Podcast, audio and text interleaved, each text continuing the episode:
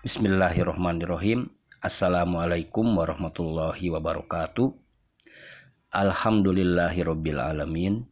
Assalatu wassalamu ala sayyidina Muhammad wa ala alihi wa sahbihi ajmain.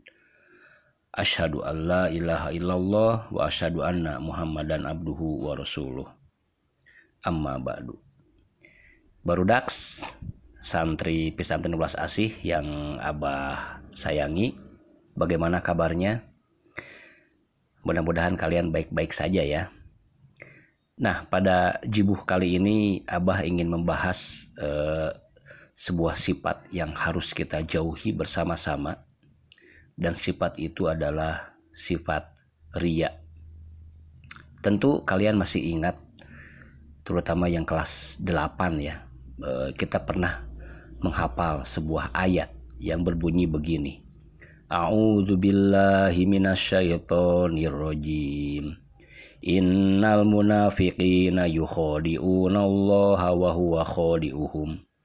Wa idza qamu ila sholati qamu kusala. Yura'una an-nasa wa la yadhkuruna Allah illa qalila. Sesungguhnya orang-orang munafik itu menipu Allah dan Allah akan membalas tipuan mereka. Dan jika mereka berdiri untuk sholat, mereka berdiri dengan malas. Mereka bermaksud ria dengan sholat itu di hadapan manusia. Dan tidaklah mereka zikir kepada Allah kecuali sedikit sekali. Nah, baru daks. Ternyata ciri-ciri orang munafik yang barusan Abah bacakan ayatnya itu ada tiga. Dan salah satunya adalah perbuatan ria. Kenapa ria itu sangat berbahaya? Karena ternyata ada empat hal yang merupakan bahaya dari ria tersebut yang kita sangat pantas dan harus kita jauhi sejauh-jauhnya. Empat bahaya ria itu yang pertama hilangnya pahala. Barudak sekalian, apabila kita berbuat sebuah kebaikan, lalu kita ria, maka tiba-tiba saja tidak ada satupun kebaikan yang kita lakukan itu yang Allah terima. Tetapi semuanya akan hilang begitu saja. Ria adalah sifat ingin dilihat oleh orang lain ketika kita berbuat kebaikan. Jadi kita tidak melakukannya karena Allah, tetapi melakukannya karena ingin dilihat orang lain. Jadi itulah bahaya yang pertama berodaks, hilangnya pahala. Kemudian yang kedua, celaka di akhirat.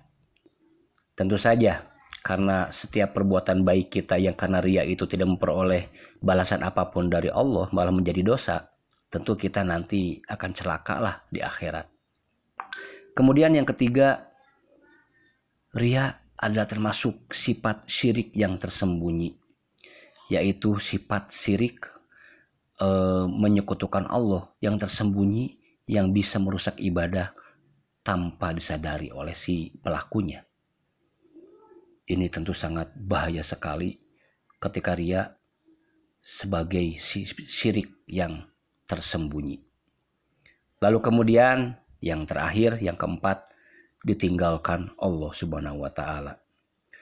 Orang yang bersifat ria maka dia sangat dibenci oleh Allah Subhanahu wa taala dan Allah akan langsung menjauhinya.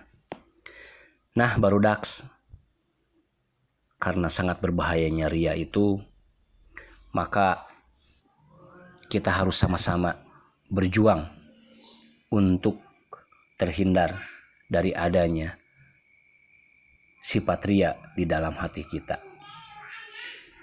Untuk bisa membantu agar kita terlepas dari ria, maka kita perlu mendekatkan diri pada Allah Subhanahu wa taala. Dan ada satu doa yang bisa kita dawamkan agar kita terhindar dari sifat ria tersebut. Doanya begini baru daks. Allahumma inni a'udzubika min an usyrika bika syai'an wa ana a'lamu wa astagfiruka lima la a'lamu. Ya Allah, sesungguhnya aku berlindung kepadamu agar tidak menyekutukanmu sedang aku mengetahuinya dan aku minta ampun terhadap apa yang tidak aku ketahui. Nah, demikian berudak sekalian, jibuh abah kali ini. Mudah-mudahan kita semuanya terhindar dari sifat ria dan Allah selalu jaga kita sehingga kita nanti bisa bertemu kembali di surganya. Amin ya rabbal alamin. Akhirul kalam. Assalamualaikum warahmatullahi wabarakatuh.